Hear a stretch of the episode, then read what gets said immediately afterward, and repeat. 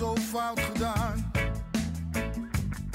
Als ik terugkijk in de tijd, een lach. De eredivisie stevend af op een, in elk geval op voorhand, zinderende klassieker. Ajax-Feyenoord met de eerste plaats als rechtstreekse inzet.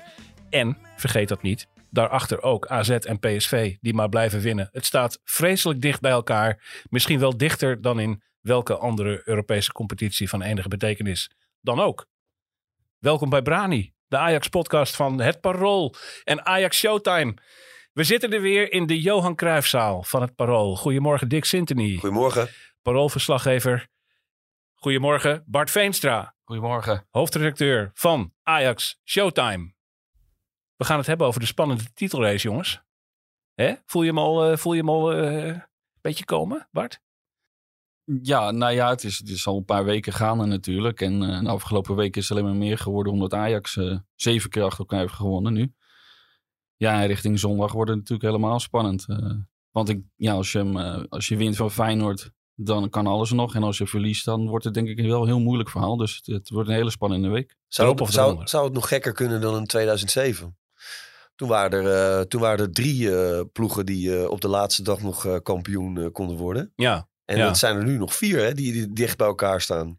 ja. Maar dan ook weer niet zo dicht als toen. Maar, Nee, maar wel, maar, ja. maar zotter dan 2007, hè, dat gaat echt niet, eh, dat gaat niet gebeuren. Dat gaat niet gebeuren, hè? Echt, wat was dat een, een dag. Krankzinnig. Ja. En, eh, eh, en wat ik het, het gekste vond van die dag. Ik stond in het uitvak op dat. eh, Willem II. Die dag bij Willem II, ja. Eh, ik vond het heel gek dat het op een gegeven moment in de eh, discussies alleen nog maar ging alsof Ajax en AZ om de titel eh, streden. En dat niemand het over PSV had. Wat volslagen bizar was, want die zaten er eh, met gelijk aantal punten ook eh, recht bovenop.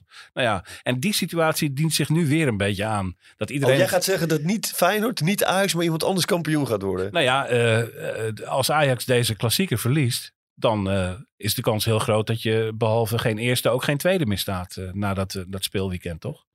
Ja, ik, vind het, ik ben het wel met je eens hoor. Ik, eh, iedereen, eh, de blikken zijn natuurlijk gericht op, eh, op Feyenoord en Ajax. Logisch, want Feyenoord is koploper. Ajax is tweede en die spelen zondag tegen elkaar. Maar daarachter gaat ook niet heel veel missen. Nee, Ze, dus ze spelen niet geweldig, PSV en AZ. Maar ze blijven ook gewoon winnen.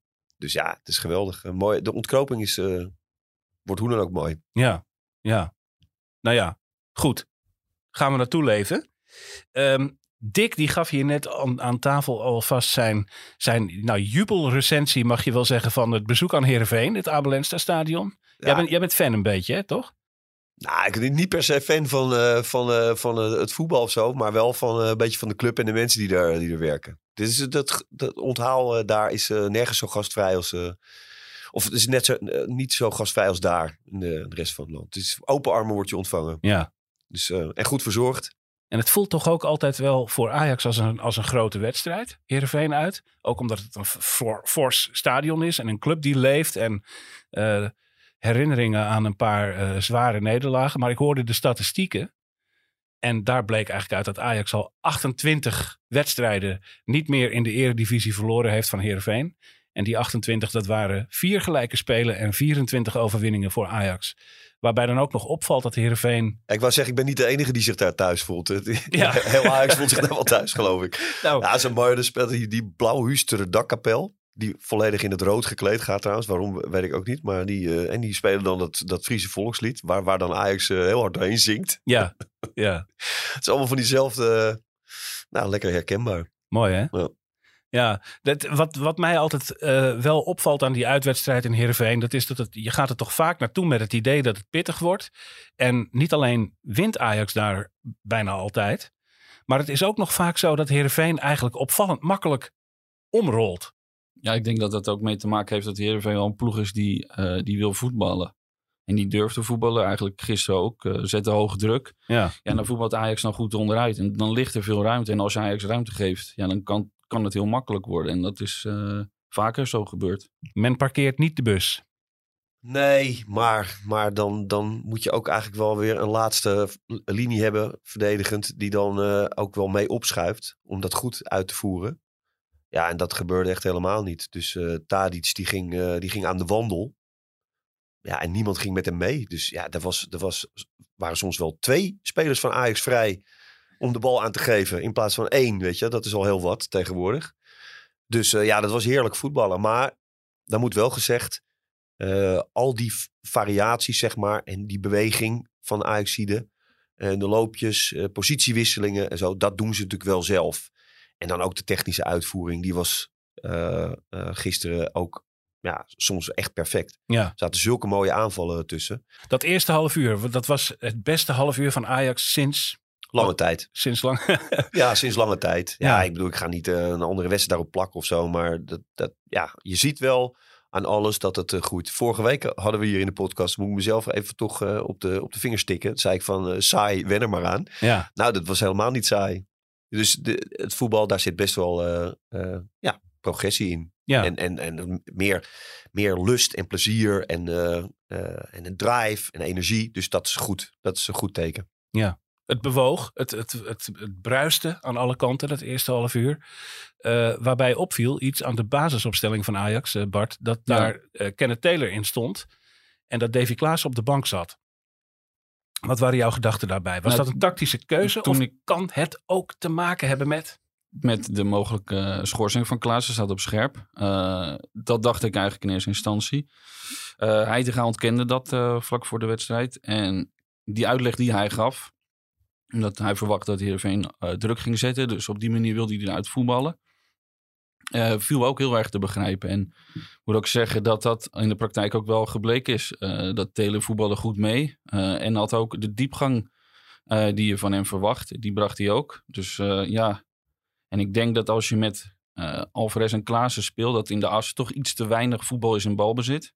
En met Taylor heb je eh, wel meer balbezit. En ik moet ook zeggen dat eh, Berghuis, die zakt ook vaak in om de bal te op te halen. Dus op die manier kregen we heel veel voetbal eh, in het eerste half uur bij Ajax, zeker. Ja. En ja, ik ben benieuwd richting zondag wie die dan opstelt. Want ook Feyenoord zal zich niet ingraven. Want die moet eigenlijk ook gewoon winnen om, richting die titelstrijd, zeg maar. Dus ja, dan moet je toch kiezen. Kiest hij weer voor het voetbal of kiest hij dan toch voor Klaas? Ja. En dan zullen we echt zien of die... ja, het is, wat- het is de enige linie waar Heitinga kleine wisselingen doorvoert, hè, het middenveld. Dat is het enige waar iets gebeurt. De Ja. rest, de rest Ja. staat vast.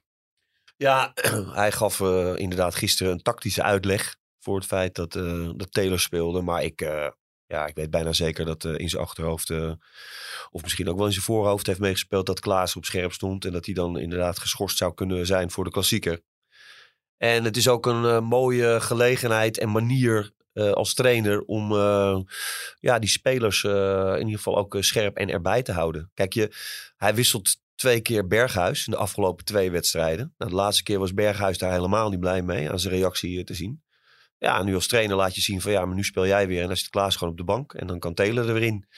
Dus het is ook een beetje een handig, eh, handig maniertje, zeg maar, om, om te laten zien dat iedereen even zwaar telt. Ja. En ja, het feit dat, dat Klaassen dan op scherp stond, nou, was een goede gelegenheid, eh, denk ik, voor deze trainer om te zeggen van nou, blijf jij dan maar even op het bankje zitten. Hij kwam er ook niet in. Normaal gesproken was hij altijd ingevallen. Nou, Ja. Daaraan kun je gewoon zien eh, dat, hij, eh, dat hij dacht van eh, ik spaar jou in ieder geval voor de, voor de klassieker. Ik denk ook dat hij gaat spelen tegen Feyenoord. Ja, wat, wat mij trouwens opviel ook aan, aan Taylor. Dit keer, daar- hij stond eindelijk een keer op 8. Want tot nu toe onder Heitinga heeft hij eigenlijk altijd op 6 gespeeld. Ja. Of een beetje links in de zone. Heeft hij ook een paar wedstrijden gespeeld. Maar eigenlijk eh, de enige keer dat hij op 8 stond was in de eerste helft tegen Union Berlin. En nu speelde hij daar eigenlijk voor, in, de Eredivisie, in de Eredivisie pas voor het eerst onder Heitinga. En dat vind ik, ik zijn echte best positie. Hij kan op 6. Maar als je de mensen ehm, spreekt die de jeugd altijd hebben gevolgd. Die zeggen eigenlijk altijd op 8. Dat is gewoon zijn beste positie. En dat liet hij gisteren ook wel echt zien. En eh daar hoop ik eigenlijk ook stiekem wel een beetje dat hij nu wat vaker de kans krijgt op 8. Ook met Alvarez onder zich. Ik denk dat hij daar ook beter gaat spelen. En eh, niet dat hij straks weer een keer op 6 staat. Of, of op, ja, op een andere positie weer op links, zeg maar. Want ik vind wel ehm, dat zo'n speler hoort wel gewoon eh, voor een langere tijd de kans krijgen op zijn beste positie. Ja, het kon niet op in dat eerste half uur. Mooie doelpunten gezien. Een eh, diagonale schuiver van Kudus. eh, daar begon het mee. Een, een prachtige eh, schroeiende, zwanger van effect zijnde eh, streep van, van Alvarez van rand 16, die de keeper te machtig was. En vooral dat derde doelpunt. Schitterend uitgespeeld met Tadic en Bergwijn. En dan zijn we over Tadic en eh Kudus zijn we al een tijdje tevreden daarvoor in. Daar voegde Bergwijn zich nu echt bij. Met een, een opleving. Ja, ja, hij leek wel echt bevrijd. Eh, hij heeft echt moeilijke periode gehad. Zijn laatste Eredivisie goal was Emma uit. Dat was nog voor het WK, dus ik kan nagaan hoe lang dat geleden is. Ja, en die merkte wel dat hij een tijdje naar op zoek was. En ik denk ook wel dat de goal tegen de Graafschap hem heeft geholpen. Ja, en nu die goal die hij maakte, dat was gewoon een hele goede goal. Die hem, zeg maar, die bal meechipt en dan eh, voor de keeper zo rustig afmaakt. Dat vond ik hartstikke knap. En eh, ja, het had er nog, nog een goal bij kunnen maken. Het was dat hij op de paal ging, maar die actie was echt geweldig. En dan zie je wel echt dat het zelfvertrouwen bij hem stijgt. Ja. Ja. Ja. Ja, voetbal is een kwestie van doen en niet van denken. Als je gaat denken, dan ben je vaak al eh, van het pad af. Ja, het moet allemaal vanzelf gaan. En dan eh, zie je, uh, zei vorige keer volgens mij ook al, een of twee weken geleden ook al in de podcast. En het was ook al te zien dat die, eh, dat ook in de kleine ruimte weer, dat, dat, dat, dat lichtvoetige, het snelle voetenwerk en zo.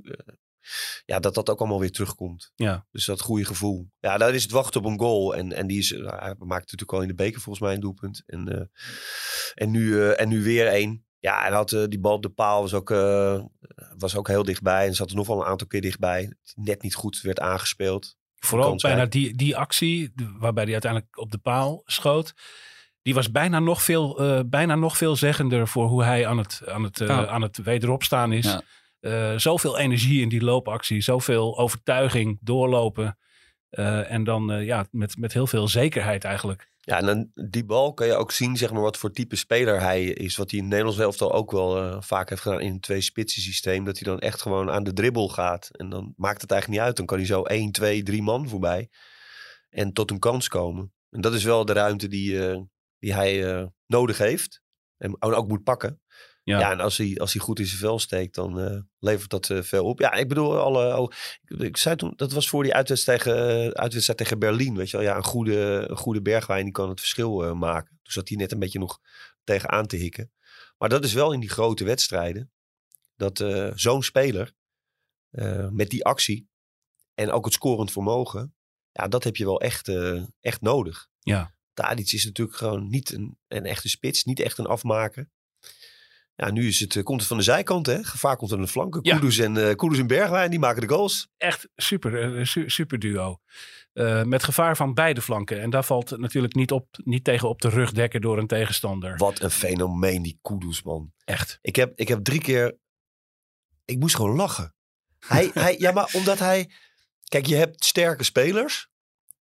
En die, die winnen veel duels. Maar die zijn toch altijd nog wel een beetje uit hun evenwicht te brengen. Of, of hier en daar wankel. Ja. De allersterkste. Maar bij, bij hem, ja, ik weet het niet. Hij, hij zakt soms, wordt hij zo naar de grond getrokken. En dan zit zijn neus in het gras. en dan, hij, die bovenbenen zijn zo sterk. Hij blijft gewoon altijd op de been. Ja. En dan staat hij gewoon, dan komt hij weer omhoog. Die, die bal die hij op een gegeven moment aannam ook op zijn bovenbeen. Terwijl die, als een soort overtreding werd op hem gemaakt. Toen lag hij ook half op zijn, op zijn kont. En dan neemt hij hem aan op zijn bovenbeen. Maar dan komt hij ook gewoon weer hup, omhoog. Ja, het is echt fenomenaal. Echt een ja, on- ongrijpbare voetballer. Ja. Eh, Ja, je gaat gewoon bijna nadenken van waarom hebben ze het niet eerder zo aangepakt met Bergwijn standaard op links en Kudus standaard op rechts in een soort vrije rol en, en niet Bergwijn op rechts. Want wij spraken van tevoren ook eh, met Shane Nunnally, die, eh, die gisteren dan heel snel naar de kant werd gehaald. Maar die komt- Wij, Ajax Showtime bedoel Ja. je? In dit, ge- ja, precies. Ja. En eh, ja, hij komt net als Bergwijn uit Almere. Dus ze zijn bevriend met elkaar. En ja, dan ja, zei hij wel min of meer dat Bergwijn eh, het echt wel moeilijk vond om op rechts te spelen in de tijd onder Schreuder. En dat hij daardoor ook wel echt zijn vormen eh, verloor. En ik denk wel dat, eh, dat het goed is dat hij nu weer op links speelt. Maar dat het gewoon wat tijd kost om dat zelfvertrouwen terug te winnen. En dat betaalt zich nu steeds meer uit. Maar dat het echt wel ja, enorm zonde is geweest dat hij wel vaak op rechts werd neergezet. Terwijl dat gewoon niet zijn positie is. ja. En als hij er niet stond, was het Tadic die er ook niet hoorde. En Nee. Ja, ja, wat dat betreft, we hebben wat beleefd in die eerste seizoenshelft tot en met eh, januari. Ehm, wie vond je nog meer goed eigenlijk, Dick, eh, bij Ajax? We hebben er een paar genoemd. Kudus, Bergwijn. Ja, ik vond eh Bessie net als vorige, vorige wedstrijd eigenlijk ja, gewoon erg goed. En je ziet bij hem ook dat vertrouwen groeien. En ja, als, je, al- als dat er ook is, dat vertrouwen, dan zie je ook dat hij van de tien ballen er zeven, acht wel gewoon eh, uitstekend eh, naar de goede kleur speelt. En ook wel met risico. En dat hij ook wel durft in te dribbelen. Dat hij ook een man durft uit te kappen. eh, op zijn eigen 16 of weg te, te draaien. Weet je wel, dus ja, naarmate dat vertrouwen groeit, zie je hem ook, zie je ook wel wat hij, wat hij allemaal in zijn mars heeft. En ja, er zijn nog steeds wel veel mensen die, die zeggen van ja, het voetballende gedeelte is voor Ajax echt niet goed genoeg. Ik denk dat het best wel meevalt. En dat ze nog een hoop plezier eh, aan hem gaan eh, beleven. Dat denk ik. Je merkt dat hij langzaam boven de kritiek begint uit te stijgen. Hè? Een beetje dat eh, de toon echt aan het veranderen is over die jongen. Ja, ik denk dat als je nu een gemiddelde Ajax-supporter vraagt of je hem op zou stellen, dan zeggen de meesten wel ja. En dat is pas een paar maanden geleden wel anders. Ja. Dus, ja. Als we even inzoomen op de zorgenkinderen van de laatste tijd. Zo iemand als Wijndal, hoe deed hij het? Ja, redelijk. Maar had ook wel een paar, moeite, een paar keer moeite met de bal aannemen. Moet wel zeggen dat het geen handige ballen zijn van de keeper die zo zeg maar terugdraaien naar je toe.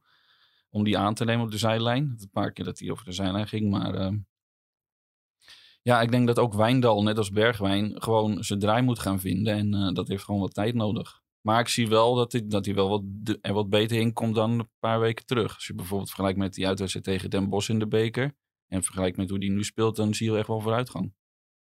Kijk, dus zelfs daar vooruitgang. Hey, ehm, eh, dat, dat eerste half uur, drie doelpunten, bal op de paal. Nog een penalty die eh, bijna werd gegeven, maar toch niet terecht. Want het was er net buiten. Eh, veel veel storm en drang van Ajax. Ehm, dat kentert dan toch, het kantelt. Op het moment dat Heerenveen drie wissels toepast. Daar grijpt Kees van Wonderen heel resoluut in, al in de 37e minuut. Drie wissels in één keer. En vanaf dat moment krabbelt Heerenveen eigenlijk op. Heeft dat nou te maken met die drie wissels of nam Ajax ook gewoon gas terug, Dick?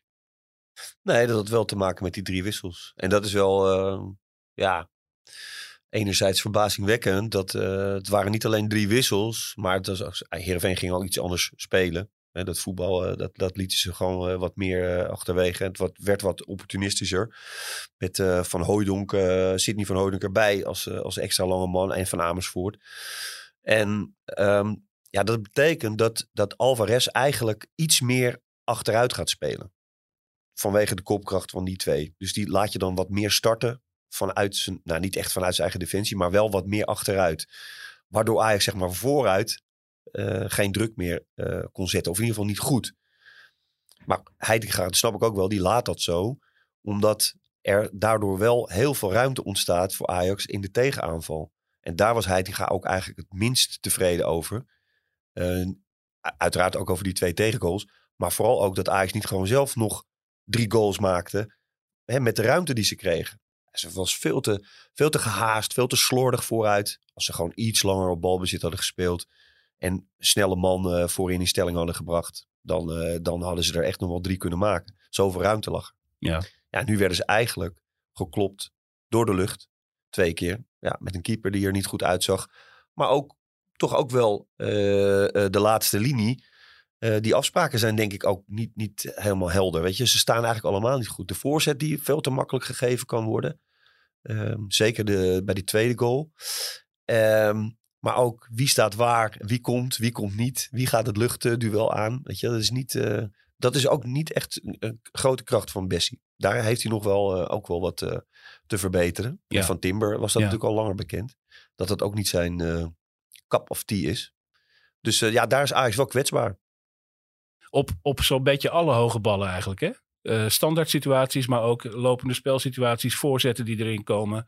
Eh, waarbij het dan lijkt alsof het gebrek aan power van de verdedigers in dat soort situaties nog verder wordt versterkt door Roelie.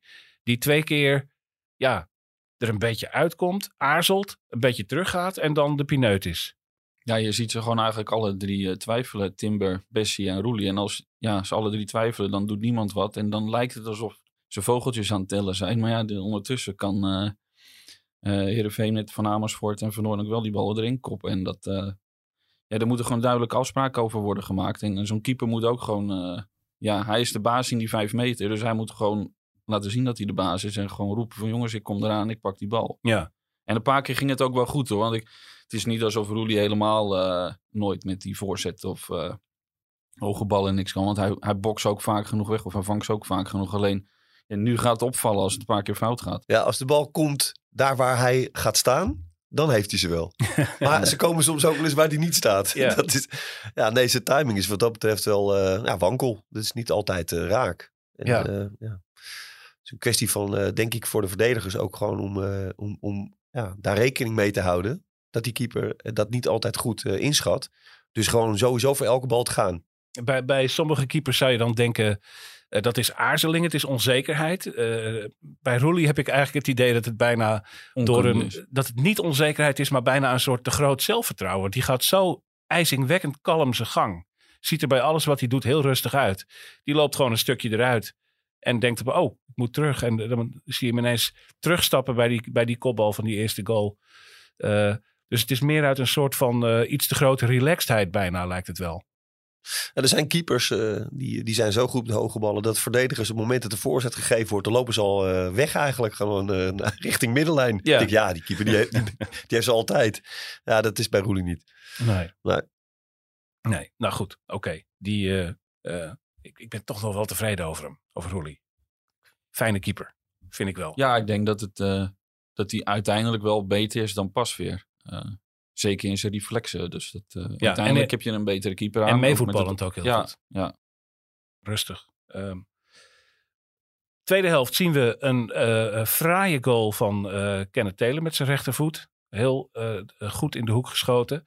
We zien Heerenveen natuurlijk scoren. We zien Brian Brobby nog tegen de onderkant van de lat koppen. Een bal die er eigenlijk in had gemoeten. Eigenlijk geen moment in de problemen, toch? Ajax, ook in de tweede helft. Geen, Eh, geen- Nee, ja, die 1-4 kwam op een heel lekker moment. Dan Ja. denk je van het is klaar. Alleen het Snel. komt Heerenveen wel weer terug tot 2-4. En dan, ja, dan zijn er toch nog een minuut of zeven te spelen. Er kwamen ook nog zeven minuten bij volgens mij. En je zag Ajax ook echt tijd trekken. Ze hadden misschien toch zoiets in hun hoofd van... ja, die 3-4 moet niet gaan vallen. Want dan wordt het nog, eh, dan wordt het nog wel spannend. Had jij het idee dat het kon gebeuren? Ik eerlijk gezegd toch niet hoor. Niet echt. Maar je bent er toch een beetje op je hoede voor. Dat je denkt, het zal toch niet. Want Nee, was- maar goed, dat is, dat is volgens mij echt het grote verschil met eh, zeker de laatste periode onder Schreuder en nu. Dat je, ja, bij Schreuder was, was het gewoon weer gelijkspel geworden. Ja. Snap je? Dan gaat die bal erin. En nu denk je toch, ja, dat straalt het hele team ook wel uit. Van ja, er valt een goal, maar ja, niemand is daar toch echt in paniek. En dan pakken ze zelf weer gewoon eh, vijf minuten gewoon eh, het goede voetbal. Creëren ze zelf weer een goede kans, weet je. Dus ze hebben dat wel, het is, in, het is wel in control, vind ik. Ja. Meer. Nou, toch had ik wel het idee dat, dat verdedigers van Ajax... Op een gegeven moment was er een fase, dat kwam er een voorzet vanaf rechts. En toen zag je Timmer wel echt... Ja, die ging helemaal schelden op zijn teamgenoten. Van, jongens, Ja, hij was boos bij de les. Ja, Ja, maar dat is ook, dat is ook, dat- maar dat is ook gewoon goed. Dus- En ook goed dat dat, dat, dat verbetert. Weet je, dat je dat niet allemaal zomaar laat gaan. Met je kopjes naar beneden. Weet je wel? Dus dat, ja, gewoon de boel op scherp zetten. Ja. Ja, Wijndal is natuurlijk wel eh, een jongen die eh, eh, in dat soort momenten ook nog wel, ja, naïef weet ik niet. Maar gewoon, ja, het is natuurlijk gewoon een, meer, een, meer een halve, halve aanvaller dan een echte verdediger. Ja, verdedigend, dat is niet zijn, eh, zijn stiel. Nou ja, Voor een linksback is dat wel onhandig soms, maar... dat, ja, maar daar zit Joel Hato achter, hè? Die, eh, die, eh, die komt eraan. die kan daar druk bieden. En volgend jaar zal Edine nog bij. Dat zie ik ook wel eh, toekomst in. Dus eh, er komt eh, concurrentie aan. Ja. Ja. ja. Hey Dick, ehm, eh, jij zat in het stadion en had dat misschien niet in de gaten. Wij voor de televisie konden het eh, wel vaststellen. De cameraman zoomde een aantal keren in op eh, Michael Reiziger op de Ajax-bank. Natuurlijk in het nieuws, omdat hij bekend heeft gemaakt dat hij de club gaat verlaten. En had daar ook een klaagverhaal bij over dat hij eigenlijk erg teleurgesteld was dat hij geen hoofdtrainer mocht worden en dat Heitinga dat werd. Ja, ik weet, nou, het is niet echt een klaagverhaal. Hmm, hij was wel teleurgesteld. Teleurgesteld, laten we het Ja, ik daarop houden. ik, ik, ik, het, was, het is niet zo uitgesproken in dat interview. Maar ik had het idee dat hij vooral eh, de manier waarop het allemaal is gegaan. eh, communicatie, hè, daar is het woord weer. Wat bij Ajax intern eh, toch de laatste jaren slecht is. Als je alle verhalen aanhoort hè, die, die daarover verschijnen. En, en, en wat je daar zelf ook over hoort. Dat is gewoon moeizaam, die communicatie. En ja, goed, hij had graag eh, willen zitten op de plek van, eh, van Heitinga. En dat is niet zo gek, denk Ja, ik. want laat het gezegd zijn, de communicatie kan teleurstellend slecht zijn geweest. Maar als ze naar hem heel goed en fatsoenlijk en keurig hadden gecommuniceerd dat hij geen hoofdtrainer werd. Was de, hij- de uitkomst was hetzelfde. dan was, was hij ook de- ja, ja, was hij waarschijnlijk Ja. ook teleurgesteld geweest. En, eh, maar ik, ja, ik, ik snap zelf eh, dat je, zeg maar, als club, als je een, een hoofdtrainer eh, wegstuurt en weet wat daar allemaal eh, achter de schermen en in die groep en in die selectie is gebeurd. En, en je weet zelf dat een, eh, een hoofdtrainer, assistent natuurlijk heel nauw samenwerken. Ehm, daar zijn bepaalde ehm, eh, banden ontstaan ook. Er is misschien irritatie richting de technische staf. Nou ja, goed, dan, dan snap ik dat je wel met een schone lei wil beginnen. Want anders dan zit je misschien toch nog met zes, zeven, acht spelers die ook hun eh, bedenkingen hebben. Nou, misschien niet zozeer bij de, de kwaliteit of de persoonreiziger, maar wel de hele constructie zoals die was. En, en ik snap wel dat je daar eh, als club dan eh, van zegt: nee, dat, dat, dat moet echt een, een, iemand zijn die helemaal onbevangen met schone lei kan, kan beginnen. ja, dat van, buiten, ik wel. van buiten de Ajax 1 bubbel. Ja. ja, ja. Plausibel verhaal. Dus Ja, plausibel. nou ja, goed. En ik, ja, je, maar je moet dan ook kijken naar hoe het nu gaat. En dan denk ik dat het toch... eh, kijk, Reiziger is er nog en die heeft zeker zijn waarde. En eh, ik, ik heb hem wel hoog zitten hoor. Ook eh, zo als mens, als trainer, als tacticus, als, als ja, zeg maar hoe hij tegen voetbal aankijkt en ontwikkeling van voetballers. Hij heeft bij Jong Ajax natuurlijk heel goed gedaan. Ja. Ja, ik gun hem echt wel een, een mooie eredivisieclub. Ik, ja, hij zei zelf dat kan ook in het buitenland zijn. Maar ja, ik zou het wel heel leuk vinden als we hem bij een mooie, mooie club in Nederland aan het werk zien. Dat, eh, dat verdient hij eh, zeker. En Maar ik toch, ga- toch wel een verlies voor Ajax, proef ik uit jouw woorden. Dat Jawel. Ja, maar, maar ik vind wel, eh, uiteindelijk is het ook wel goed als, als degene die trainer zijn, of het nou in de jeugd is, of bij het eerste elftal of het tweede elftal, na verloop van tijd ook gaan. En, en ook bij een andere club lekker aan het werk gaan. Ja. Ik ben heel benieuwd hoe hij. hoe hij ik, ik zou het wel aandurven. Als ik, eh, als ik een mooie eredivisieclub, eh als ik aan het bestuur zou zitten of in de directie, zou ik het wel echt aandurven met reizen.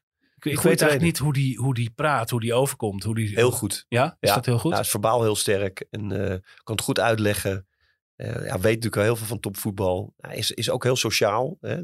Dat is, is ook heel belangrijk. Hè? People management en zo. Dus ik denk dat hij, daar, dat hij echt wel heel veel in zijn mars heeft. Wie weet tot ziens, Michael Reiziger. Hè? Je weet het We maar niet. het meemaken, ja. Jongens, voordat we naar de klassieker gaan, eh, moeten we het even hebben over eh, dat uitgebreide verhaal wat er is verschenen in NRC Handelsblad. Een soort eh, eh, reconstructie, uitgebreid onderzoek naar wat er de afgelopen maanden bij Ajax allemaal is fout gegaan. Hoe Ajax eigenlijk de regie op de transfermarkt volledig verloor en nou ja, de boel volledig van de rails liep.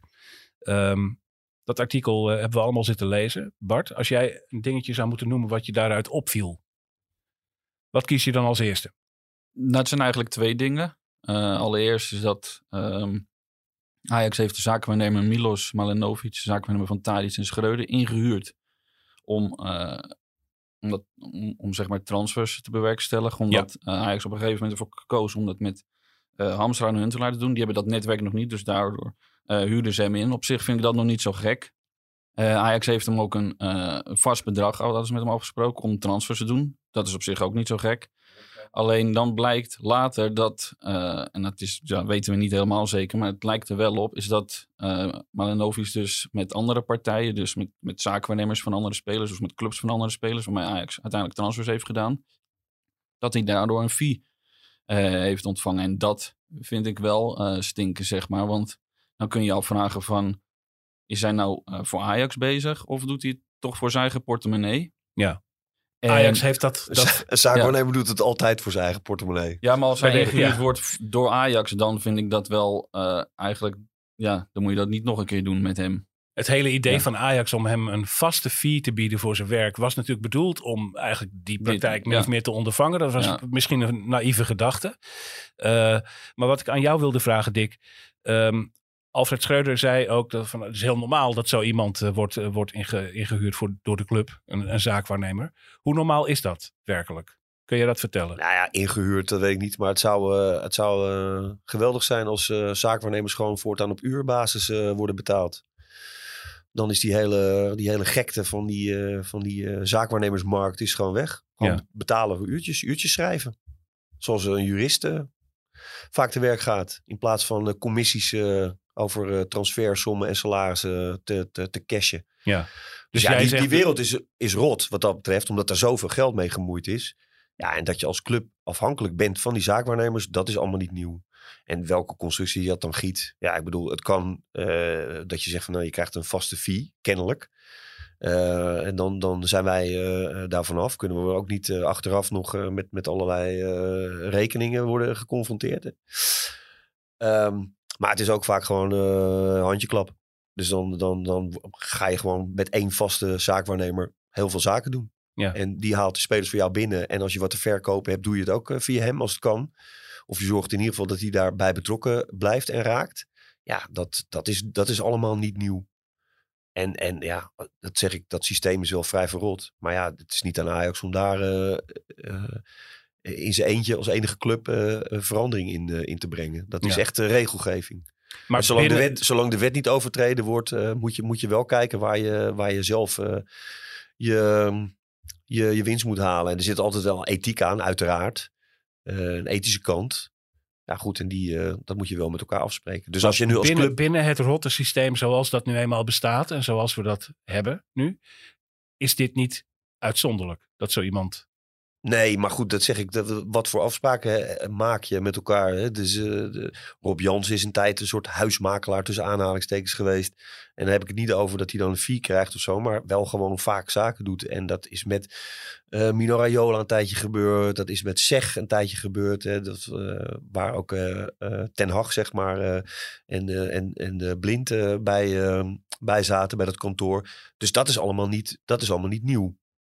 Maar ja, een fee betalen aan een, eh, aan een zaakwaarnemer. En dan nu kennelijk, eh, dat vond ik wel het nieuws uit die, eh, uit die reconstructie. dat hij dan kennelijk ook nog probeerde om via een, een, achteringang ook nog wat extra centjes op te strijken. Door spelers die Ajax dan wilde hebben, nog een soort commissie af te spreken. Ja, dat is wel. dat, dat moet Ajax niet willen. Nee, Ja, Nee. Misschien hebben, wisten ze het niet, misschien hebben ze het oogluikend toegestaan. Dat stond dan weer niet in het verhaal. Nee. Hè? Of dat, eh, Nee, en verder was het een. eh, ja, het, het- het- heel veel was het al bekend. En zeker eh, over de werkwijze van, van Overmars. Daar hebben wij de Paul natuurlijk ook wel over, over geschreven. En hier in Brani hebben we het daar ook vaak over gehad. zeker. De het zaak allemaal- Ocampos ook. Ja, weet je wel, dat, dat. Maar ook dat hij helemaal niks... niks ja, het was een handelaar, weet je wel. Het liefst via zijn telefoon. Dus weinig communiceren, weinig achterlaten. Nou, daar, daar plukt Ajax nu nog steeds de wrange vruchten van. Dat heb ik ook wel uitgelegd. Eh, ja, afspraken die mondeling zijn gedaan. Of via appjes. Of, eh, maar goed, deze reconstructie laat dat dan eh, zien. Hè. Ook wel een paar voorbeelden daarvan. Dus ja, dat is dan wel weer, ook wel weer interessant om te lezen. Maar die, die bedrijfsrecherche, dat vond ik wel, dat was wel opvallend. vertel even. Ja? Nou, dat. ehm, op een gegeven moment was het zo dat er was een, een, een, een- iemand op, op eh, ehm, eh, Twitter, internet dan, die, eh, die noemde zichzelf Hamstelaar. Die had eh, ongeveer een minuut na- nadat de dingen bekend waren, eh, kon hij al eh, mededelen welke deal er was gedaan. En daar heeft Ajax wel, eh, wel onderzoek eh, naar laten doen. Omdat ze op een gegeven moment, ja, je, je, hebt het gevoel alsof je, alsof je wordt afgeluisterd waar je, waar je bij zit in een directielokaal. En eh, ja, dat is natuurlijk wel, eh, is natuurlijk wel eh, pittig dat je dan eh, als club een bedrijfsrecherche moet inschakelen. Omdat je gewoon niet vertrouwt, zeg maar, eh, wat er binnenskamers allemaal gebeurt. Om omdat het zo snel uitlekt. Te kijken wie het lek was. Heeft niks opgeleverd, hè, dat onderzoek, geloof ik. Dus, eh, maar Ja, ja, dat stond niet in het artikel. Maar dat was Ja. wel mijn tweede punt inderdaad. Wat mij opviel aan het, eh, aan het onderzoek. onderzoek Ja, het stond, het stond er, ja, ik moet je even lastig, even lastig vallen. In, in de reden vallen, dat stond er wel in. Dat dat, Stond er wel? Dat, Ja, ja, dat het niks heeft opgeleverd, het Oké. onderzoek. Maar dat is toch gek dan dat je nu nog steeds moet afvragen van wie lekt dat naar buiten. En op een gegeven moment er stond dan wel in dat ze allemaal hun telefoons op, de, op, op tafel moesten leggen. En het eh afluisterapparatuur was. En je zit daar met de RVC, die directie en de technische eh, leiding rond het team. En iemand moet dat lekken. ja. Het doet me terugdenken aan, eh, aan een, eh, een zaak die Ajax eerder aan de hand heeft gehad. Eh, dat Miel Brinkhuis is de huidige persmanager. die was net in dienst bij Ajax. En eh, die had vervolgens eh, zeg maar meeting. Hij was echt net begonnen. Best wel groen nog. En die had een meeting dan bijvoorbeeld met, eh, met John Jaken en, eh en Uri Coronel. En er ging iets ook over de mail of zo, wat zij hadden besproken. Maar dat wa- was maar bij drie mensen bekend. En het stond een paar dagen later stond dat in Voetbal International. Ja, en, en, en de directeur keek naar de voorzitter en de voorzitter keek naar de directeur. En die dachten, ja, wij zijn het niet. Dus toen, ke- toen keken ze alle twee naar Miel. En die was net begonnen. Die dacht, oh, wat heb ik nou op mijn fiets hangen zeg. Ja. En daar is ook onderzoek naar gedaan. En toen bleek dat er een, een, eh, een eh, IT-medewerker van Voetbal International... eh, de computer van, eh, van een van de, volgens mij van Jaken had gekraakt. Dus die, die zat gewoon in die computer van Jaken. Die las gewoon alles mee. En het stond allemaal keurig in VI. En eh, bij Ajax dachten ze, ja, maar hoe kan dit nou? Hoe kan Ja. dit? Het zijn maar zo weinig die, mensen die dit weten. Kijk, dus ja, zoiets kan ook nog spelen. Een Ja. hacker. een hacker. Je weet het maar nooit. Maar eh, het lekte in elk geval eh, te snel. Dat artikel van NRC, het lezen waard. Als je dat eh, onder ogen kunt krijgen, lees het vooral. Er staat ook wel heel veel in wat we al wisten. Uit het parool bijvoorbeeld. Hè? Ja, Dus, nee, maar ook, ook, eh, ook Telegraaf of, eh, of andere, andere kranten. en Zo, weet je. Dus dat- dat, dat is niet... eh, ehm, ja, wat je net zei, dat is wel goed. Het is een reconstructie, weet je, waarin mensen ook wel... eh, ja, die- sommige dingen tegen ons gezegd hebben... die dat nu op een appje hebben laten zien... om dat toch eens te bevestigen van dat het inderdaad zo, eh, zo gegaan is. Maar goed, waar het op neerkomt is dat... ehm, en dat weet, dat weet ook iedereen, dat het organisatorisch nu bij Ajax eh, moeilijk is en rommelt. En dat de club wel snakt naar duidelijkheid, mensen op bepaalde posities. Ja, en mijn stokpaardje is dan nog steeds trainer. Dat is echt zo. Co Adriaanse was, was trainer. En toen was Leo Beenhakker een hele slechte technisch directeur. Want Ajax presteerde niet. Co Adriaanse werd ontslagen. Koeman kwam, die ging met diezelfde spelersgroep. Echt exact dezelfde spelersgroep. Die ook was samengesteld door Beenhakker. Werd kampioen. Haalde de kwartfinales van de Champions League. En toen was Beenhakker een hele goede technisch directeur. Dus ik vind wel, weet je, een, een, een trainer kan ook echt wel een, een directie maken en, en breken. En ik vind, wat je ook, hoe hard je ook schudt, hoe je het ook op zijn kop zet, hoe je ook met RVC's en bestuur en adviesorganen trainer moet het doen. Feyenoord staat bovenaan, moet ze een goede trainer hebben. Je moet een goede trainer zoeken. Ja. Dat is veel en veel belangrijker dan een technisch directeur. Goed. Dat is het huiswerk voor Ajax voor de komende tijd. En wij gaan praten over de klassieker. De laatste minuten van onze podcast hier. Want het is Ajax Feyenoord komende zondag om half drie. En dan gaat het erom. Eh, wat wat eh, eh, die wedstrijd kan betekenen. Als Ajax wint, nemen ze de koppositie over op doelsaldo van Feyenoord. Als Ajax nou verliest, Bart, Ja, dan zitten ze wel in de problemen, denk ik. Want dan, is het dan klaar? Dan kom je op zes punten van Feyenoord. En gezien het programma van beide clubs, eh, dan eh, ja. In theorie kan het nog wel, maar het, is, het wordt wel een heel, heel moeilijk kar karwei in dat opzicht. En eh, ik denk dat je eigenlijk nog meer zorgen moet maken in dat geval om plek 2. Want die is ehm, ja, misschien wel bijna net zo belangrijk, omdat Ajax gewoon heel veel baat heeft bij het spelen in de Champions League volgend seizoen. Ja. Want ja, laatst kwamen ook de halfjaarcijfers weer naar buiten. En daaruit bleek ook eigenlijk dat Ajax kan niet zonder die Champions League. Eigenlijk al bijna niet met, want volgens mij kwamen ze nog steeds eh, een deel tekort. Maar stel dat je helemaal geen Champions League speelt, ja, dan, dan zit je echt met een enorme gat en dan moet je eh, nog meer spelers verkopen.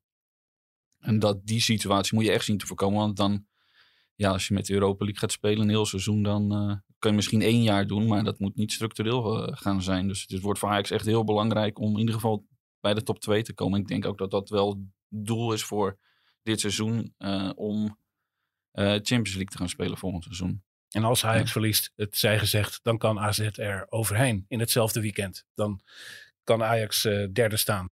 Ja, nee, het is wat Dick vorige week ook al zei. Je kan nog eerste worden, maar je kan ook zomaar vierde worden. Ja. Dus het kan nog alle kanten op. En eh, Ja, daarom Ja. is ook wel eh, natuurlijk de, de, de, de toppers, de klassiekers zoals die nu gespeeld wordt, is ook eh, geweldig. Hè? Met eh, nummer 1 tegen nummer 2 in deze fase van het seizoen. Maar ik denk de uitslag dat die toch niet eh, eh, beslissend eh, gaat zijn. Omdat je Nou ja, Ja. als Ajax wint sowieso niet, want dan staan ze op gelijk aantal punten. Dus dan wordt het allemaal staan ze bloedspannend. eigenlijk bovenaan. Ja. Ja. Ja. als ze verliezen, dan zou je zeggen van dan is het in ieder geval het gat tussen Feyenoord en Ajax te groot. Misschien dat PSV en AZ dan nog iets zou- zouden kunnen doen. Maar ik zelfs dat, dat denk ik niet hoor. Nee. Nee, het is... Hoe schat jij die wedstrijd in na de, het, lekkere spel van Ajax in Heerenveen? Tegen een ploeg die eh, hartstochtelijk open huis hield, dat wel. Ehm, Waar staat Ajax op dit moment in een krachtmeting tegen bijvoorbeeld Feyenoord? En hoe belangrijk is de wedstrijd tegen Shakhtar nog, die daar een aantal dagen voor zit? Ja, die speelt eh, wel mee. En die speelt mee in de zin van eh, dat ik me zo een wedstrijd voor kan stellen dat Ajax een uur lang redelijk dominant is. En, en eh, ehm, ja, misschien ook wel op voorsprong kan komen. Maar dat Feyenoord nu al keer op keer, week na week bewijst dat zij A, moeilijk te verslaan zijn. En B, ook vaak het laatste half uur, zeker het laatste kwartier, heel hard kunnen toeslaan. En dat is omdat die ploeg fysiek ook geweldig in elkaar steekt. En iedereen ook wel eh, zijn afspraken na blijft eh, komen. En eh, zijn meters blijft maken. En die druk erop blijft zetten. Dus het gevaar zit er denk ik wel eh, ook eh, voor Ajax in deze wedstrijd. Ook in, die, eh, in, de, in, de, in het laatste half uur. In die onderhand beruchte slotfases van Feyenoord. Nou ja, Ja. Feyenoord heeft het wel bewezen dat ze inderdaad in die slotfase kunnen toeslaan. Vaak of een gelijkspel eruit halen of nog een overwinning. En de laatste keer dat Feyenoord in de Eredivisie verloor, dat is ook wel heel lang geleden. Dat is in september tegen PSV ook, de enige keer. En eh, ja, dat toont wel aan dat, dat Feyenoord echt niet zomaar te verslaan is. Waardoor ik wel echt eh, ja, denk dat het echt een hele moeilijke wedstrijd eh, kan worden. Al heb ik ook wel, omdat ze Europees spelen donderdag, denk ik ook wel, ze kunnen misschien een beetje vermoeid zijn eh, op zondag. Omdat Ajax is de hele week vrij. Dan kunnen we een hele week gericht trainen richting die klassieker. Dat er ook weer een voordeel in zit. Ja, Ja. Aan, de, ja dat de, aan de ene kant zeker. En aan de andere kant, ja. de spelers die, die, die in het veld staan of op de bank zitten eh, bij Feyenoord, die dat ontloopt elkaar niet zo heel veel. En, en, en het, het spel hoeft daardoor ook niet eh, te worden aangepast. Die weten ook precies wat er allemaal moet gebeuren. Dus wat dat betreft, eh, met vijf wissels die je nog kan, kan plegen. en, de- en de fysieke staat waarin Feyenoord verkeert, dat is gewoon echt goed. Ja, Ja, en, en, en, en als ze doorgaan, dan kan het natuurlijk ook een enorme boost geven. Dat je met nog meer Ja, vertrouwen naar als de je- arena afgaat. Dat, als je nou in, een volle kuip op van, van Shakhtar wint en naar een kwartfinale gaat, dan ben je niet moe hoor. De, hè, dus, eh, dan heeft niemand pijn naar zo'n eh, naar zo'n avondje. Nee, maar goed, iedereen, eh, we kijken met z'n allen echt uh, met rijkhalsend uit naar die wedstrijd. Dat gaan we zeker doen. We ronden af hier in de Johan Cruijffzaal. Ajax Feyenoord eh, komt eraan. Heel spannend. Heel erg mooi. Een prachtige ontknoping van de Eredivisie eh, ligt eh, voor ons. En ja, we, En- zouden, we oh. zouden Brani niet zijn als we niet hoopten dat Ajax daar als winnaar uitkomt. Bart, wat wil je nog zeggen? Nou ja, morgen is ook nog de BAVA, de buitengewone aandeelhoudersvergadering, waarin Pier Inriga eh, wordt voorgesteld als de nieuwe voorzitter van de Raad van Commissarissen. En dan verwacht ik wel dat er wat meer schot in de zaak komt in de zin van een nieuwe voetbalcommissaris en een nieuwe technisch directeur. Want hij gaat dat uiteindelijk leiden, denk ik. Ja. Dus ook in dat opzicht worden het spannende tijden. Dat eh, Dan gaan we ook komt nog meemaken. de ja. Raad van Commissarissen ook nog in beweging. Ja. Wat een week! Ja. Wat een week voor Ajax. Dankjewel Bart. En eh dankjewel ook Dick voor het komen naar de Johan Cruijffzaal. Ik wijs jullie er nog op dat onze productie en techniek in handen was van eh, nou, meestal Josien Wolthuizen. En eh, nu was het ook weer Verena Verhoeven. Verena Verhoeven. Dankjewel Verena voor het invallen van Josien. De leadermuziek die is wel vertrouwd, zoals altijd, van de band Ja 6. Dit was Brani. En de volgende keer praten we over de klassieker. Tot dan.